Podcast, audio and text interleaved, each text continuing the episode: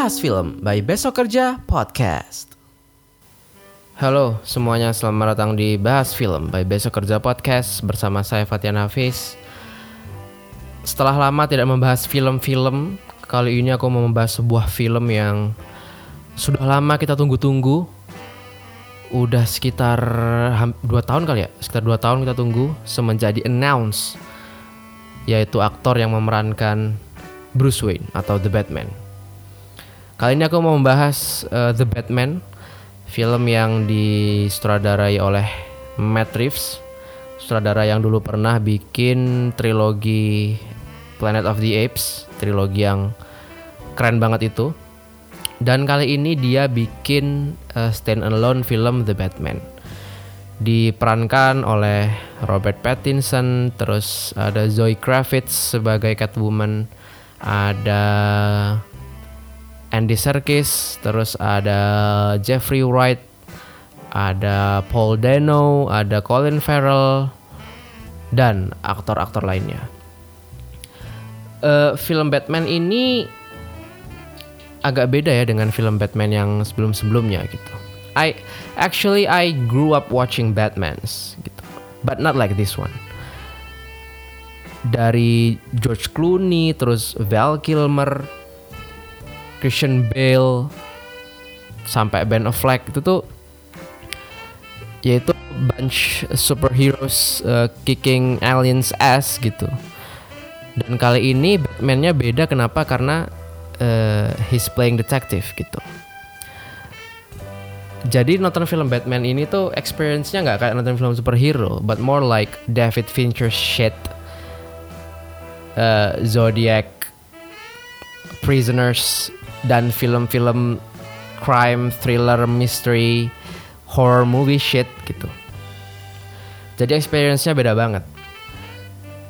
Dan sinopsisnya film ini tuh ya basically uh, si Batman beserta kerjasama sama Jim Gordon ya dari uh, Gotham City Police Department mereka itu berusaha memecahkan uh, kejadian rentetan pembunuhan yang memakan korban para pejabat-pejabat di Gotham City.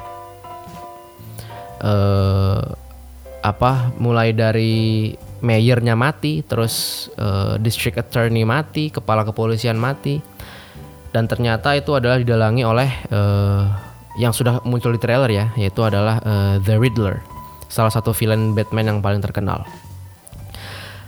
Uh, pertama-tama aku mau ngomongin dulu tentang uh, hal yang aku suka dari film ini. Yang aku suka dari film itu yang pertama adalah ini kan film superhero ya gitu. Jadi sebetulnya si Matt Reeves itu nggak perlu menyajikan visual yang sebegitu bagusnya untuk sebuah film superhero gitu. Kita kita nggak nggak terlalu perlu itu sebetulnya. Film superhero ya kita perlu ngelihat uh, apa si Batman-nya kicking ass apa uh, playing detektif mencari pembunuhnya dan bla bla bla bla. Tapi Matt Reeves itu bikin kayak ini tuh film yang sebegitu artistik. Aku nggak cuma ngomongin tentang color grading dan angle pengambilan gambar yang oke okay banget ya. Tapi lebih kayak ajik ini nih kayak film film drama drama Oscar kelas ya Academy Award kelas yang mereka itu karena nggak punya nilai tambah lain selain dari segi cerita jadi dia mainin di uh, visualnya gitu. Nah film ini tuh secara visual sangat appealing bahkan banyak uh, banyak scene di mana kita tuh lupa bahwa anjing ini gue nonton film Batman loh gitu. Ini bukan nonton film apa apa ini film Batman nih tapi kenapa sebagus ini ya visualnya gitu. Terus uh, dan pewarnaan kayak ini setiap setiap mood itu pasti ada warnanya kayak merah. Kalau merah tuh lagi biasanya lagi tegang tuh merah. Terus kalau dia lagi sedih warna biru, biru putih. Terus kadang kuning, kadang hijau. Anjir ini bagus banget gitu. Dan dan aku suka banget sama uh, bagaimana Matt Reeves itu mempotretkan uh, The Riddler. The Riddler kan uh, ciri khasnya kan dia suka bermain teka-teki gitu ya, kayak ya riddle it's supposed to be fun gitu. Kita memecahkan teka-teki. Tapi somehow di film ini Matt Reeves itu bikin Riddler kayak tokoh yang psycho. Dia tetap main teka-teki, tapi itu dibuat kayak kejem banget dan psycho banget. Dan apa kayak ya kita udah tahu castnya tuh Paul Dano gitu jadi The Riddler. Tapi kita nggak expect bahwa ketika topengnya tuh dibuka, ah, Paul Dano jadi cupu banget kayak ajik ini ini dari tadi gue lihat psikopat gitu tapi begitu dibuka cuman orang cupu tapi ya gitu ya jadi kayak The Riddler yang tadinya personanya itu adalah uh, komedik makanya yang di film uh, Batman Batmannya Val Kilmer tuh apa ya? Batman Batman Forever ya? Batman Forever kalau nggak salah. Di situ kan yang main The Riddler, The Riddler itu si Jim Carrey gitu. Kenapa? Karena dia uh, komedik tuh. Nah di sini tuh ditwist sama Matt Reeves, ditwist ini jadi tokoh yang super psycho dan serem banget. Dan tetap main teka-teki juga. Jadi wow, keren banget gitu. Dan terus uh, hal-hal banyak hal ya yang aku suka dari film ini dan dan susah sebetulnya kalau aku mau nyebutin satu-satu. Cuman yang yang dua yang paling kelihatan tuh itulah. Uh, ada apa namanya ada uh, The Riddler sama secara visual. Tapi secara musik juga sih ada satu aduh itu lagunya lagunya Nirvana ya kalau nggak salah ya. Lagunya Nirvana yang yang selalu mengiringi The Batman kalau lagi ini lagi jalan atau lagi naik motor gitu. Dan itu aneh banget lihat lihat film superhero tapi scoringnya itu gitu. Tapi tet somehow tetap unik dan tetap masuk. Makanya anjing ini keren banget gitu. Nah tapi aku nggak suka dari film ini tuh satu doang sebetulnya satu doang yaitu uh, aku jadi nggak bisa ngebandingin Bruce Wayne mana yang lebih bagus gitu walaupun walaupun kita nggak nggak perlu ngebandingin ya tapi kan pengen lihat uh, gimana Robert Pattinson itu memportrait Bruce Wayne gitu yang kita tahu sebelum-sebelumnya kan dia ya kita tahu lah dia memerankan si vampir itu di film Twilight itu. Dan ngomong-ngomong entah kenapa alumni-alumni Twilight ini jadi bagus-bagus banget ya sekarang kayak Kristen Stewart juga di Spencer bagus banget. Robert Pattinson juga waktu itu kan dia jadi twi main Twilight terus dia sempat juga main di Harry Potter. Terus waktu itu di announce bahwa dia jadi Bruce Wayne semua orang skeptis. Kayak anjing ini beneran si Robert Pattinson jadi Bruce Wayne. Nah, habis itu kan keluar kan The Lighthouse, terus keluar The Devil All the Time dan itu bagus banget Robert Pattinson di situ. Di Tenet juga baru semua orang kayak ah ini dia, ini Robert Pattinson yang kita tunggu-tunggu gitu. Dan si Robert Pattinson sayangnya ya waktu dia memerankan Bruce Wayne dan Batman dia 70% film itu pakai topeng. Jadi dia uh, lebih sering jadi Batman ketimbang jadi Bruce Wayne gitu. Dan dan susah jadinya. Susah untuk melihat dia sebagai uh, Bruce Wayne gitu. Kalau waktu zamannya uh, George Clooney atau Val Kilmer atau Bale atau uh, Ben Affleck itu kita banyak lihat dia jadi Bruce Wayne tuh. Kayak kita lihat dia naik naik mobil sport ke mana-mana party party terus apa eh, ganti-ganti cewek dan lain sebagainya. Nah di film ini tuh Bruce Wayne cuman kayak introvert. Introvert nggak punya temen nggak ngapa-ngapain terus keluar jadi Batman mukul-mukulin orang terus habis selesai langsung pulang lagi ketemu Alfred. Habis itu pergi lagi terus apa terus jadi Batman lagi sepulang lagi nggak ada adegan di mana dia kayak ya party-party gitulah kayak ya seperti halnya Bruce Wayne yang kita kenal gitu. Di sini tuh dia kayak introvert dan sedih banget, nggak tahu kenapa. Terus ah satu lagi, satu lagi aku kurang suka sama film ini. Ini uh, dia kan sebetulnya mau bikin filmnya itu uh, fokus ke cerita Batman yang kita kenal gitu. Beda kayak Batman-Batman sebelumnya. Kayak misalnya Batman-nya Affleck. Batman-nya Affleck tuh itu nggak Batman centered gitu karena apa? Karena ketika pertama kali Batman-nya Affleck keluar itu di Batman versus Superman. Jadi waktu Batman keluar sebelum kita mengenal Batman-nya si Affleck, kita udah dikenalkan sama konflik bahwa oh iya ada ada apa namanya ada perseteruan di masyarakat bahwa ada yang setuju uh, alien alias Superman itu boleh beroperasi di bumi, ada yang nggak setuju. Terus akhirnya ada konflik. Nah langsung dikenalin di situ. Sebelum kita kenal Batman-nya Affleck bagaimana dia eh, bagaimana kondisi psikologisnya bagaimana backgroundnya yang kita tahu ya cuman kayak ya Batman Batman pada umumnya gitu yang yang orang tuanya mati ketembak dan apa setelah itu kita nggak tahu apa apa gitu nah di film ini tuh kan ini bener-bener Batman center jadi fokus kepada Batman yang pekerjaannya itu jadi vigilante, nangkep nangkepin orang, mukul-mukulin perampok dan lain-lain. Uh, dan dan ketika apa ya ketika uh, film ini kita tonton tuh bener-bener anjing ini kita terakhir kali kenal Batman ini tuh 10 tahun yang lalu gitu waktu triloginya Christopher Nolan gitu.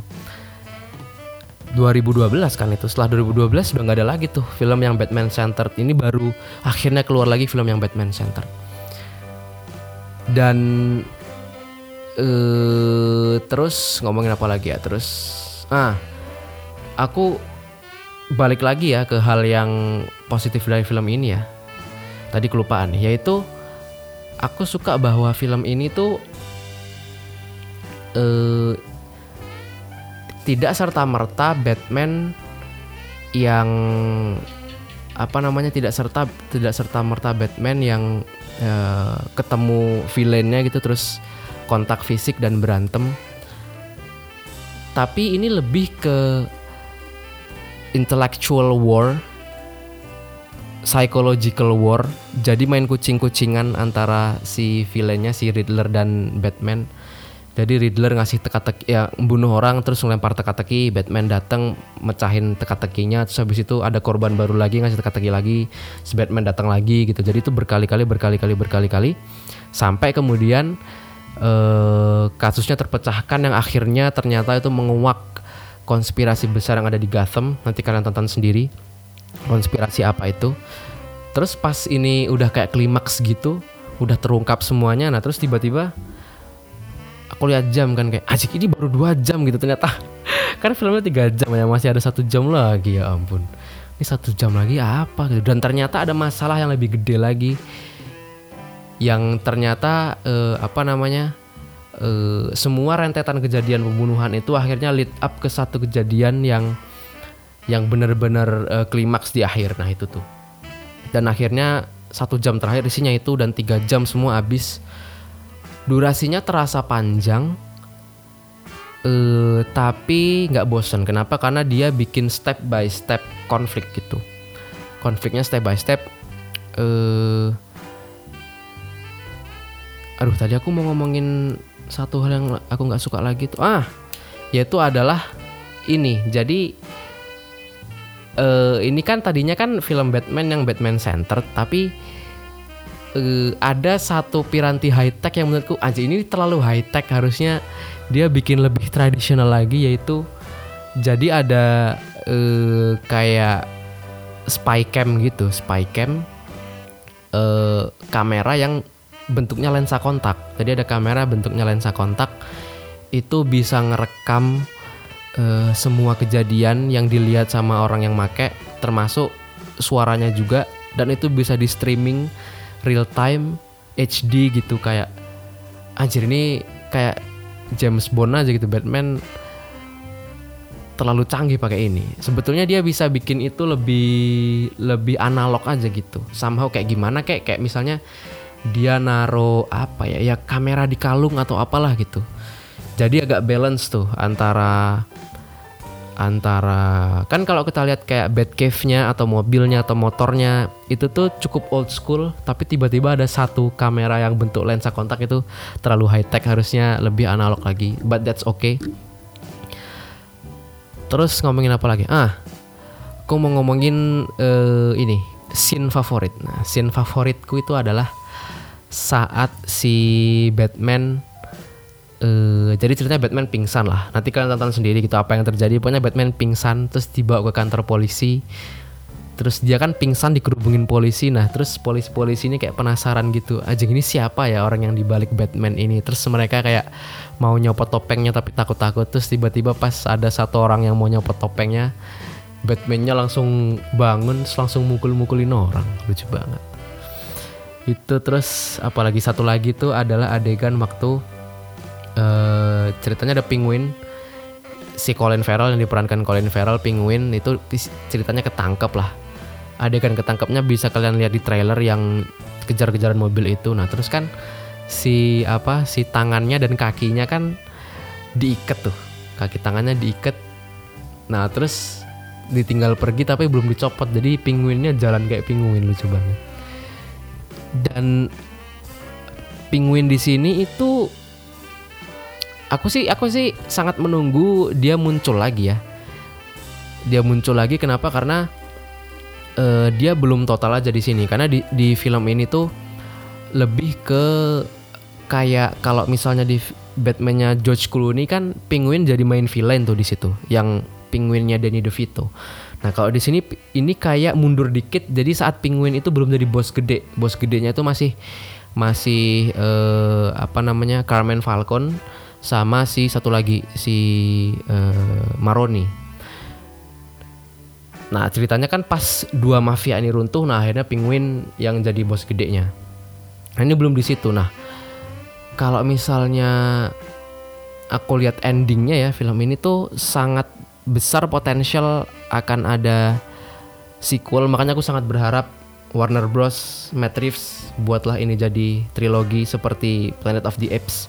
Padahal Planet of the Apes dulu kayaknya bukan bukan trilogi dia tuh bukan tadinya proyek awalnya bukan trilogi tapi remake aja uh, Rise of the Planet of the Apes baru akhirnya karena hype-nya gede akhirnya dibikinlah trilogi dan bagus semua dan bagus semua. Kan ada Rise of the Planet of the Apes terus Dawn of the Planet of the Apes sama War for the Planet of the Apes. Dan semakin ke atas tuh semakin bagus. Biasanya kan kalau misalnya ada trilogi film yang paling bagus tuh tetap film pertamanya. Nah kalau Planet of the Apes tuh nggak. Bagus semua. Paling bagus tuh yang ketiga terus paling bagus kedua tuh nomor satu baru nomor dua. Nah aku sih berharap film The Batman ini jadi trilogi. Kenapa? Karena nanggung banget kalau misalnya ditanya. Misalnya aku ditanya secara pribadi apakah ini lebih bagus dari The Dark Knight? Aku bilang belum. Belum. Tapi I can see a huge potential. Dan kalau misalnya ini nggak jadi trilogi menurutku goblok.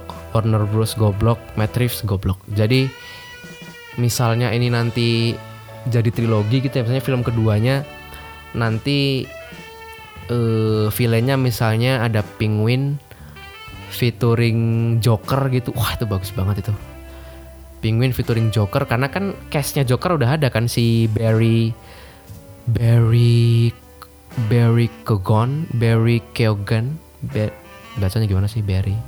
Pokoknya yang jadi ini, yang jadi uh, Eternals, yang bisa yang bisa uh, mengendalikan pikiran itu. Castnya udah ketemu nih yang jadi Joker. Jadi menurutku sayang banget kalau jadi trilogi dan aku berharap ini jadi trilogi supaya kita bisa kenal macam-macam jenis Batman mulai dari Batman yang Batman yang badass yang mukul-mukulin orang kayak Christian Bale. Terus ada Batman yang kocak-kocak tuh yang sebelum-sebelumnya yang Val Kilmer, George Clooney. Terus Batman yang apa yang merangin alien si Ben Affleck. Nah sekarang ini The Detective Batman nih yang beda dari yang lain yang mengutamakan intelektual dibanding weapon dan ketampanan. Karena kan Batman sebelumnya kan gitu tuh kayak nyentrik kayak ya kayak 11 12 lah sama Tony Stark itu di sini Batmannya introvert sedih banget skor skor. Untuk film The Batman ini aku kasih skor eh uh, aduh kalau 8 setengah ketinggian 8 8,3 lah 8,3 uh, uh, eksperimen yang sangat bagus dari Matt Reeves uh, bikin uh, kita melihat Batman dari sisi lain, dari sisi intelektual bahwa ternyata Batman itu persona aslinya tuh ya sebetulnya detektif gitu. Bukan apa namanya bukan fighter atau apa, tapi dia lebih ke uh, analytical skill. Dan apa ya, Batman tuh superhero yang personal banget buatku karena sebelum aku kenal superhero superhero lain aku tuh kenal Batman sama Spiderman.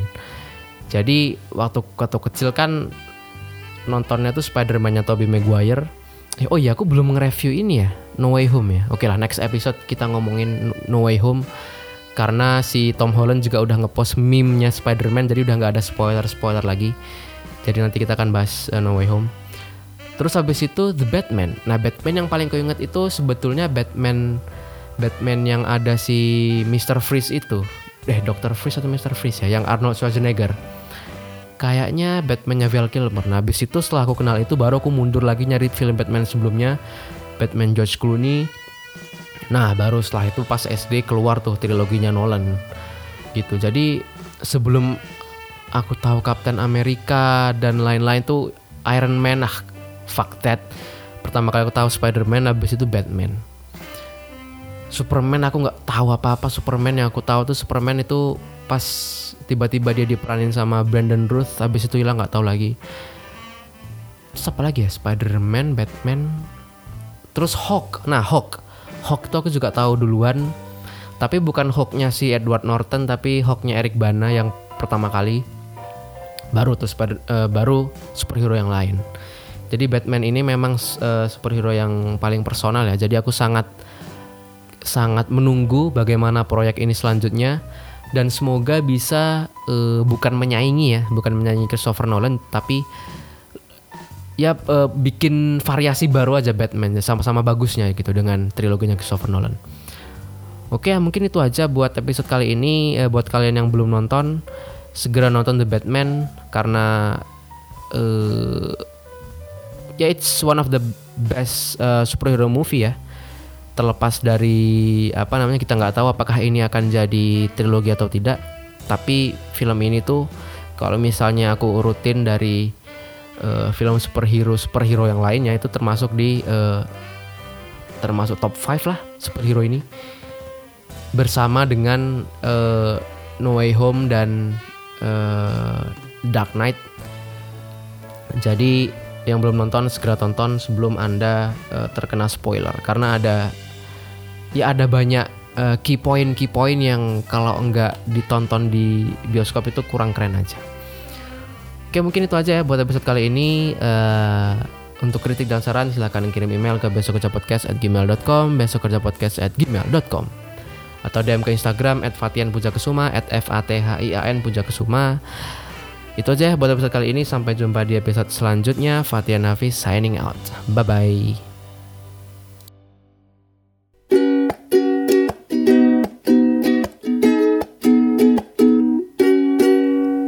Bahas Film by Besok Kerja Podcast.